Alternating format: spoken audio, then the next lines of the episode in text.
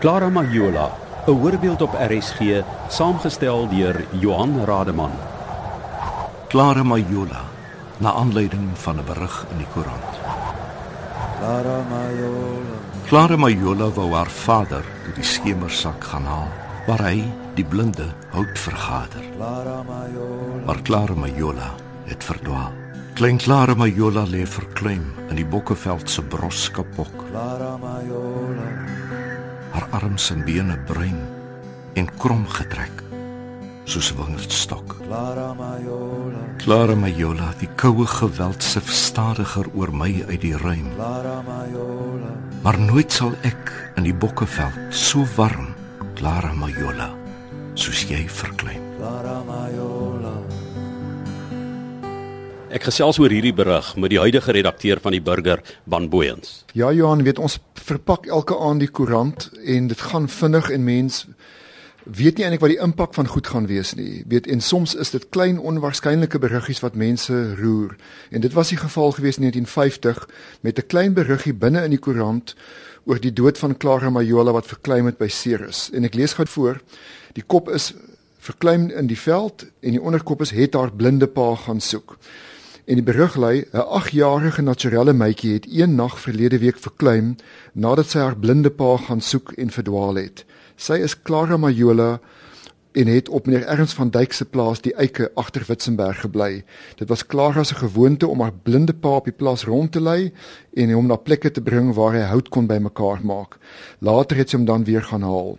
Haar ma het die dag na 'n naburige plaas gegaan. Sy het teen skemer teruggekom en wou haar man gaan haal, maar Clara het aangebied om dit te doen. Sy kon haar vader vermoedelik nie kry nie en het toe verdwaal. Die kleerlinge en ander bewoners van die plaas het later na haar gaan soek. Haar vader het op hulle geroep geantwoord, maar Clara self kon hulle nie vind nie. Net daarna het dit begin reën. Meneer van Duyk het eers die volgende dag van die gebeure gehoor. Hy het dadelik 'n soektog op tou gesit en Clara is dood in 'n pad aangetref. Sy het blykbaar oor die klippe in 'n stroompie gegly en geval en was te koud en te verkleim om op te staan. Haar een arm was onder haar lyk en die ander hand was in haar mond. Die nag was besonder koud en die kapok het dik gelê. Die burger 31 Julie 1950. En dis 'n beriggie soos dit wat Opperman aangegryp het om die gedig te skryf wat vir geslagte Suid-Afrikaners voorgeskryf is in Afrikaans op skool en wat almal omtrent uit hulle kop uit kan opsê. En dis 'n storie wat onder andere vir professor Jakes Gerwel wat, wat by IWK Afrikaans gegee het, so aangegryp het dat hy aangedaan was en en die foto's wou gehad het. En dit wys jou hoe 'n baie baie klein beriggie in die middel van 'n koerant die kunste kan inspireer en mense kan ontroer. En ek dink vir ons 'n model skep van helde wat ons miskien nie vandag so duidelik het nie dat dis iemand wat nie 'n held wou wees nie wat nie probeer het om 'n held te wees nie. Dis iemand wat 'n werkie vir haar ma verrig het en met haar lewe geboete daarvoor. En op 'n manier vandag nog hoe lank gelede 50 jaar daarna vir ons inspireer weet om vir mekaar om te gee. Clara Majola. En die kreatiewe proses gaan voort via 'n beriggie in die burger van Clara Majola wat verkleim het. En by die Togryers Museum in Ceres is daar 'n standbeeld wat jou aan die hart sal gryp van Warenka Paske en ek is hier in haar ateljee. Warenka, eers wil ek vir jou vra in watter mediums werk jy? Enigiets wat die kunswerk vra, van olieverf na brons, hout, uh, metaal, keramiek. Ek het onlangs met keramiekbeelde ook gewerk. Dit hang 'n bietjie af van wat ek in my kop het. En wat het Clara Majola gevra? Sy is 'n beeldjie in brons en ek het met emalje verf op die brons gewerk. Hoe het dit gekom dat jy van Clara Majola bewus geword het en die beeldjie gemaak het? Van my ma, ehm um, sy is 'n maatskaplike werker wat in die omgewing gemeenskapswerk gedoen het en sy is natuurlik van daai generasie wat nog geweet het van Clara Majola. Dis iets wat ek eintlik nie van bewus was nie. Ons is maar groot gemaak met Rageltjie de Beer. En toe het ek gehoor van die storie, dit is 'n pragtige storie en dit hoort regtig ook maar in ons Suid-Afrikaanse helde bundel. En sy het my daarvan vertel vir my gevra of ek sou belangstel om 'n beeldjie te maak om 'n bietjie van 'n huldeblyk te bring aan die meisietjie. Hoe het jy te werk gegaan as kunstenaar toe jy daai beeldjie gemaak het? Wat het deur jou kop gegaan? Om 'n kind te verloor, ek ek weet nie, dit is ek dink seker die ergste ding ooit wat kan gebeur. Ja, natuurlik het ek gaan oplees oor haar en haar, jy weet, die hele verhaal en daar's 'n paar verskillende weergawe van wat presies gebeur het, maar oor die algemeen stem al die bronne ooreen dat weet sy maar in die middel van die nag uitgegaan het en verdwaal het omdat dit begin sneeu het die nag. Ehm uh, wat het deur my kop gegaan toe ek dit gemaak het? 'n uh, Hele reeks van dinge. Ek dink uh, tegnies is jy besig met met hoe 'n klein liggaampie lyk en ek het hier na Jan van Riebeeck Laerskool toe gegaan om 'n meisietjie te vra of ek hom mag afneem en wat ek gedink het hoe ek my voorgestel het Clara Majola hoe sy sou kon lyk. Toe was ek maar tegnies besig met die vorm van die kindjie.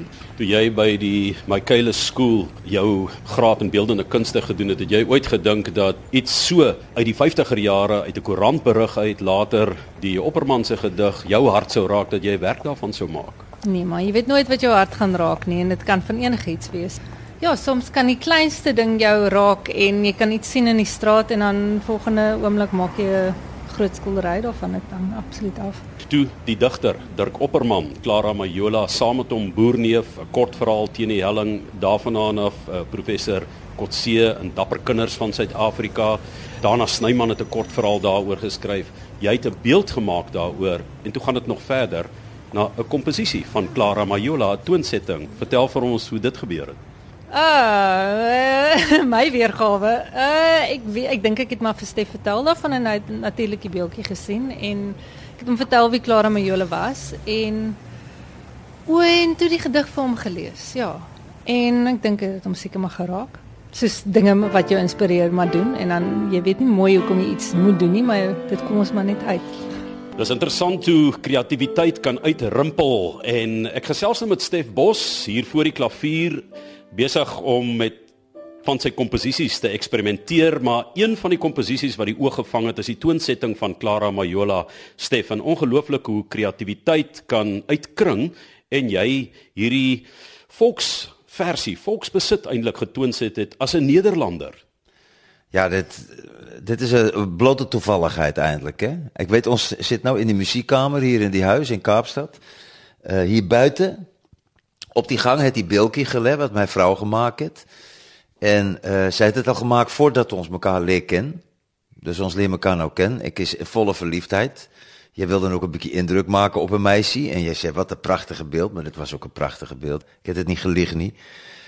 En toe hoor ik die story, want ik maar, wat, weet je waarover gaan die beeld? Want ik zie zo'n meisje in brons op die grond, wat zo slaap, voor mijn gevoel. En de sneeuwvlokjes wat daar zo op lê. En toen begint zij die story te vertellen. En toen lees ik die gedicht van Opperman, wat eigenlijk die begin was waarom zij die beeld gemaakt heeft. En toen lees ik die gedicht en ik moet eerlijk wezen, ik is zo voor poetry wat eenvoudig is. Dus Leipold, sommige stukken van Eugene Marais en Opperman. En ik lees die gedicht, ik denk, het is een song. En toen heb ik begin, ik heb mijn gitaar gepakt en ik denk, die ding het in één keer uitgerold. Ik heb een beetje lyriek daarbij geschreven om zo dit in te passen. Ik denk, ik in die, een van die verses heb ik een beetje verander. Zo, uh, en toen was het daar. Te werk met 'n kinderdood as tema. Dit is eintlik hartroerend en hartverskeurend wat jy lees. Ja, ik denk eerlijk gezegd dat het meer die kunstwerk is van Opperman. Want ik denk dat is natuurlijk in beide gevallen uh, goed is wat jou kan vatten of ontroeren of uh, emotionally kan, uh, kan raken, waardoor jij schrijft. Um, dat is bij je kinders wat waarschijnlijk doorgaan op hier die moment ook in die wintertijd, bij wijze van spreken, overal op die wereld. Maar wat is nou specifiek die reden waarom ik bij haar uitkom als een songwriter? Waarom ik dat wil zingen? Ik denk eerlijk gezegd dat die, die berichtje wat toen in die courant gestaan heeft, waardoor hij dit geschreven heeft, de manier waarop hij dit vormgegeven heeft in die lyriek. Want ik is ook een soort zanger, wat voor mij is lyriek bij belangrijk. Als die lyriek niet oké is, kan ik dit niet uit mijn strot krijgen, ons in Holland. Hè. Ik kan het niet, zing niet. En toen ik die gedicht lees, gaat het natuurlijk over alles. Het gaat niet over Clara Majola, want een rechte goede dichter vat die uh, thema en maakt het universeel. Clara Majola wou haar vader wat blind was toen die schemerzak gaan haal. Daar waar hij die hout verzamelt, maar Clara Majola het verdwaal. Verdwaal in die donker van die schaduw van die bergen en verdwaal in die winter in die kou. Zij kon die pad niet terugvinden, niet was moeg en het gaan slapen. Klein Clara Majola lê verkluim in die bokkeveld, se bros kapot. Haar arms en bene bruin en krom getrek, soos 'n wingerdstok. Klein Clara Majola lê verkluim in die bokkeveld, se bros kapot. Haar arms en bene bruin en krom getrek, soos 'n wingerdstok, 'n wingerdstok.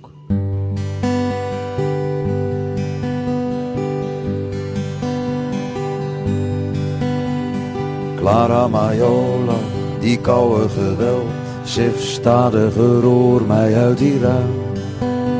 Maar nooit zal ik in die bokkenveld zo warm, zoals jij verklaart.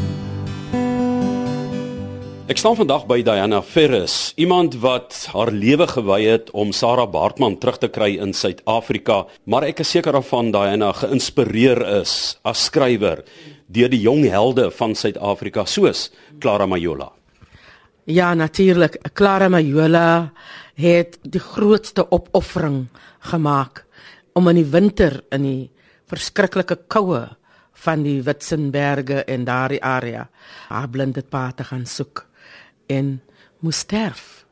Dit is 'n heldedaad wat sy gepleeg het deur daardie opoffering te maak. Hoe sien jy so 'n persoon ook as 'n versoener en 'n heldin? Jy sien Johan, ons um, geskiedenis is is besaai met mense soos Clara Majola. Hierdie stories is vir ons belangrik want die stories vertel ons van toe. Daar was mooi Ons mag dit miskien nie in daardie tyd so gesien nie, maar daar was mooi in ons geskiedenis. Die stories mooi in die feit dat dit is mense soos ek vroeër gesê het wat gelei het, wat opofferinge gemaak het. En hierdie is die soorte stories wat ons in die nuwe Suid-Afrika moet gebruik om te sê dat mense het dit gedoen. Hoekom kan ons nie leer uit daardie stories en sien wat hulle gedoen het en voortgaan met die mooi werk nie. Opofferinge maak sodat hierdie nuwe Suid-Afrika van ons kan floreer. Ons kan dink aan hoe ons was en hoe ons nou is. Hoe dit ons stories daardie tyd gevat teen hoe ons ons stories nou vat. En wat ek sê is ons kan leer uit daardie stories uit. Enkele jare gelede toe ek nog by die reistydskrif weg was, het Dana Snyman 'n storie hieroor gedoen en dit is ook op 'n wonderlike manier dat ons is besig met die reis almal van ons om Suid-Afrika te herontdek. Om te gaan kyk, dinge te herinterpreteer, opnuut tuis te voel, opnuut te dink oor dinge. En daarna het op op die spore van Mayole teruggegaan en gaan kyk hoe dit lyk en 'n ontroerende prentjie geskep want dit het toevallig toe hy daar was die naweek ook gekapok en was weer bitterkoud en daar het hy van Clara Majola se familielede teëgekom wat vandag nog in daai geweste leef. Clara Majola se storie is later ook in 'n bundel van sy kortverhale opgeneem. Hmm, jy weet nie van Clara Majola nie. Hier's nie juis baie klas as hier rond nie oom, sê hy. Hy weet wel waar die eike is. Oom ry nou van hier af Hamlet toe en dan vat oom die, die Geidopas berg op. Hy beduie noord in die Cederberge se koers. In in 'n nes oom bo op die berge sal oom die bordjie sien agter Witzenberg en daar draai oom links. Hy wikkel sy hande terug in sy baadjie se sakke in. Het oom genoeg warm goed by oom? Miskou daarbo. Inderdaad. Dit is laat Junie en op die pieke in die bergkruine hier rondom Ceres lê die sneeu in die oggendson en bibber. In gister se koerant was 'n opskrif: Sneeuval lok talle yskykers na Ceres. Ek klim terug in die bakkie en ry in die rigting van Hamlet. Nou, oftewel Prins Alfred Hamlet. Ek is Willem Jansen. Ek is die seun van haar oudste suster Nancy wat ook al reeds uh, oorlede is so 'n paar jaar gelede, plus minus 4 jaar. So ek is die jongste seun van Nancy en Clara is dan nou my auntie. En so my auntie gewees het as sy nog gelewe het. So sy het verklein op die ouderdom van 8 jaar op die plaas die Eike in die Witzenberg vallei in Ceres. Die Eike is 'n groot vrugteplaas. Ek ry stadig oor die werf Maar by nie een van die twee opstalle, een is sekere plaasbestuurders en is mense nie. Ek ry verby die twee of drie pakstore en dan sien ek die werkershuis onder 'n laning eike teen 'n hoogte. Ek hou by die eerste een stil. Daar is maar al die gewone goed wat jy by werkershuise aantref. Hoenders, 'n vaal hond wat op die trappie lê en slaap, 'n trapfiets wat teen 'n muur leun, 'n oorpak wat oor 'n wasgoedlyn hang. 'n Ou vrou kom maak die eerste huisie se deur oop. Sy het pink pantoffels aan en agter haar in die skemer kombuis gloei 'n verwarmer. Môre? Goed sê. Is u tannie Nan Majola? vra ek. Ek is Nan Jansen, sê sy. Is tannie familie van Clara Majola? Sy is my suster. Ek verduidelik vir tant Nan, ek soek na die spore van Clara Majola. Haar van was Jansen, help sy my reg. Sommige by van daai Majola. My oorlemale het haar ook nie Clara genoem nie, sy was Violet. Ja, my oupa was 'n Basotho en dis hoekom daai Sotho naam daar is Majola. Sy van is eintlik Jansen. So hy's oorspronklik van die Vrystaat, van die Basotho wêreld. Hy gekom en my ouma het uit die Handamstreek het gekom. En hulle het uh mekaar ontmoet in die Roggeveld. Is 'n plek tussen die Karoo en die Kouebokkeveld. Ja, dis eintlik waar die Sotho vanaf kom. Violet Jansen. Dan nee, nooi my in. Ek, ek het 'n boek hier, sê sy, en stap by die vertrek langsaam in. Na 'n rukkie kom sy terug met Dr. D.J. Kotse se boek, Dapper kinders van Suid-Afrika, waarin ook van Clara Majola melding gemaak word. Volgens die storie en volgens die skrywe van Dirk Kotse en die vertelling van my ouma en oupa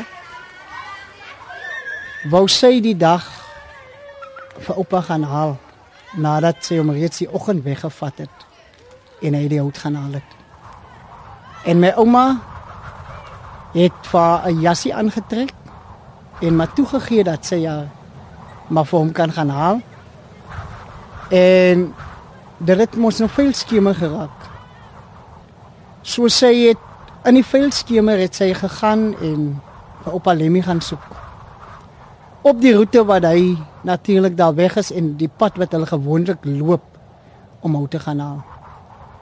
Maar die mis was natuurlik te dik en dit het veroorsaak dat sy mondelik die pad byster geraak het. Oupa kom by die huis vind dat Violet nie daar is nie, soos hulle haar genoem het. En ouma vra maar waar is Violet? Oupa vra ook dieselfde vraag en hulle begin soek. Hulle het niks gekry nie. Hulle het ook nie die eienaar laat weet nie. Hulle het maar die ander plaasvolk bymekaar gekry om te help soek. En toe hulle uiteindelik vir haar kry, het hulle vir meneer Ernst van Dijk laat weet. En hy dan nou oupa en ouma gevat tot by die plek en ouma die vroedvrou soos die boek beskryf om 'n bietjie van wyk gevra om haar te help om dan nou die ander besoldigings te doen.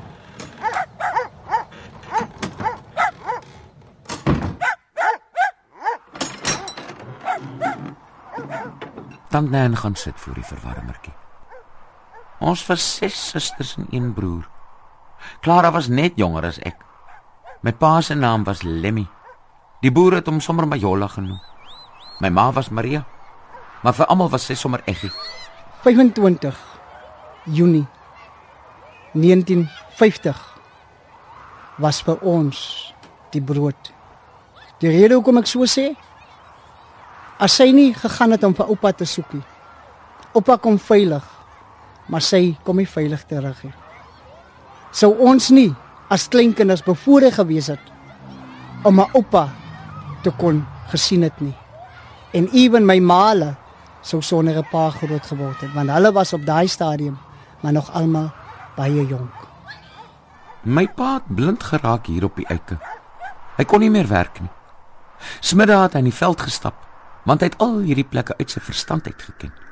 Hy het houtjies opgetel. Daai middag het hy lank weggebly my pa.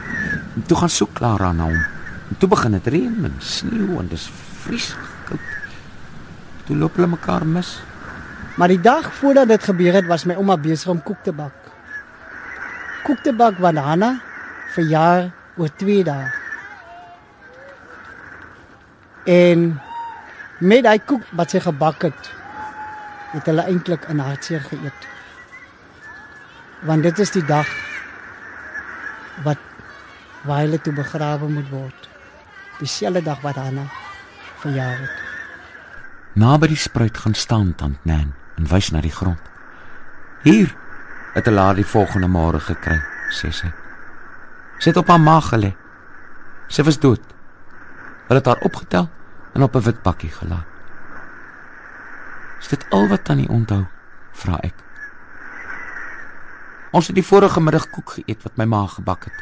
My ma was 70 toe sy oorlede is. 'n Lieflike mens. 'n Reguit mens. Is baie streng.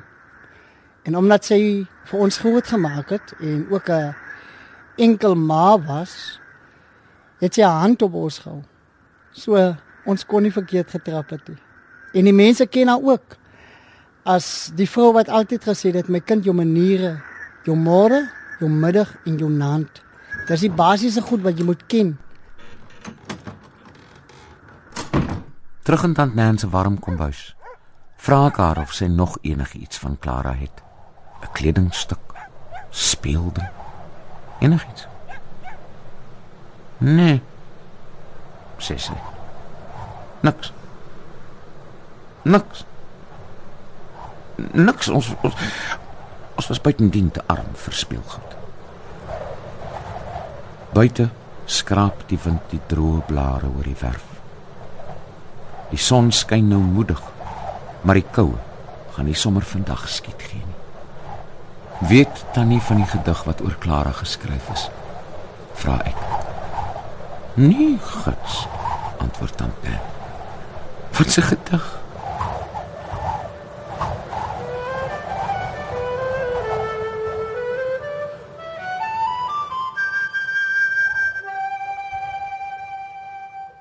Clara Majola wou haar vader toe die skemersak gaan haal waar hy, die blinde, hout vergader. Maar Clara Majola het verdwaal. Klein Clara Majola lê verkleim in die Bokkeveld se broskapok. Haar arms en bene bruin en krom getrek soos wingerdstok. Clara Majola, die koue geweld sif stadiger oor my uit die ruim. Maar nooit sal ek in die Bokkeveld so warm Clara Majola soos jy verkleim. Diana met die aanlees van die gedig die eerste maal, daai verhouding van die mense in die gedig. Ja, ek ek natuurlik is 'n um, digter omdat my ma en my pa vir ons gedigte opgeset. As ek nou skryf dan moet ek eintlik vir hulle eer en dankie sê. My ma het vir ons word die klingelinge van jou ringe Mabelel gedoen en my pa het vir ons gedoen Amakaya, ook 'n dapper swart vrou wat bereid was om haar lewe op te offer vir 'n wit baba. Hy het gesê in Grossaland toe doen in die skadu van die berge bos beskut aan alle kant. Staan alleen die hartbeeshuisie op die grens van Grossaland as jy lewens nie te skei nie blyf dan in die dood vereen. Kort proses met harme kosas laat die blink as geiereen. Ja, dit het my pa vir ons opgesê en dit het ons ook geleer. Die dapperheid van 'n Sarkie Bartman. Die dapperheid van Amakaya. Dapperheid van Clara Majola. Hoe soet kind sy was en hoe dat sy altyd behulpsaam was en altyd wel iets gedoen het. Kyk, Clara Majola was alreeds die nuwe Suid-Afrikaner. Want Clara Majola se pa, se oupa was 'n Sotho haar ma, sy was 'n 'n breinkind, haar ma was 'n breinvrou. Haar regte naam was Violet Jansen. Maar die naam wat sy gegee was, was Clara Majola en dit vertel ons van die vermenging van die Suid-Afrikaanse gemeenskap. So sy is alreeds 'n nuwe Suid-Afrika figuur en daarom moet ons hierdie storie vat en gebruik as as iets om terug te val vir die nuwe Suid-Afrika. Ja, wat vir interessant is hiervan is as jy die berig lees, dan is daar nogal kwetsende ou taalgebruik, argaïese taalgebruik daarin. Maar dit word onderlê, ek dink deur 'n baie duidelike menserespek. Weet dat dat iemand as waardig geag is om oorgeskryf te word nadat sy dood is en nie te gering geskat is daarin nie. En ek dink in 'n tyd waar ons 'n nuwe geskiedenis moet aanleer en waar ons die geskiedenis moet herinterpreteer en dinge moet historiseer, is dit ongelooflik lekker eintlik om terug te gaan en helde te besoek en te bevestig dat hulle inderdaad nog steeds helde is en in Clara Majola se geval 'n versoenende held, nie 'n verdelende held nie. Nie iemand wat mense by die nalees weer verdeel in twee kampe nie. In die geval wat vir mens die dapperheid van 'n kind, enige kind teenoor haar pa, enige pa weer tentoonstel. En daai opsig dink ek is dit 'n rolmodel wat vandag amper meer relevant is as in 1950 toe die ding plaasgevind het. Clara Majola het die uit eindelike opoffering gedoen soos hulle sê in Engels the ultimate sacrifice en dit as kind.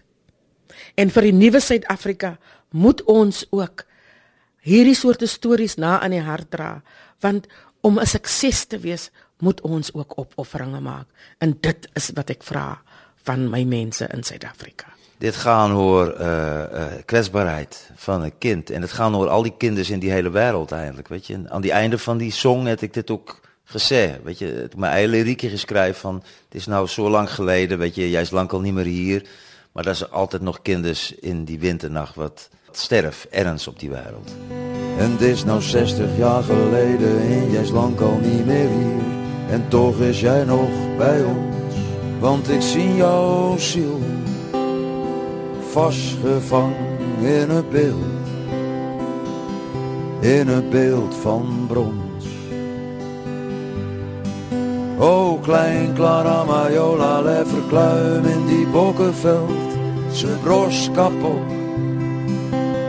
Haar arms en benen bruin en krom getrek, zo ze wingerd stop. Klein Clara Majola, le verkluim in die bokkenveld, ze bros kapot. Haar arms en benen bruin en krom getrek, zo ze wingerd stop. En die wereld het veranderd, maar die hemel waarop ons wacht. Is lang nog niet hier, niet en daar is altijd nog kinders wat verdwaal in die lang, lang nacht. Clara Majola.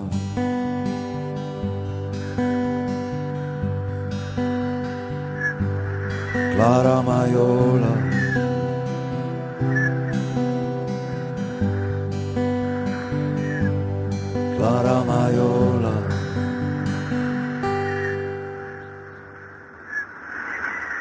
Dit was Clara Majola, 'n hoorbeeld saamgestel deur Johan Rademan. Die voorlesers van die gedig Clara Majola uit die SAIK argief was Johan van Jaarsveld en Sue Pyler. Die kortverhaal brokkies van Dana Snyman se Clara Majola uit sy kortverhaalbundel Op die toneel was Chris van die Kerk. Clara Majola, saamgestel deur Johan Rademan, is ook op potgooi by rsg.co.za.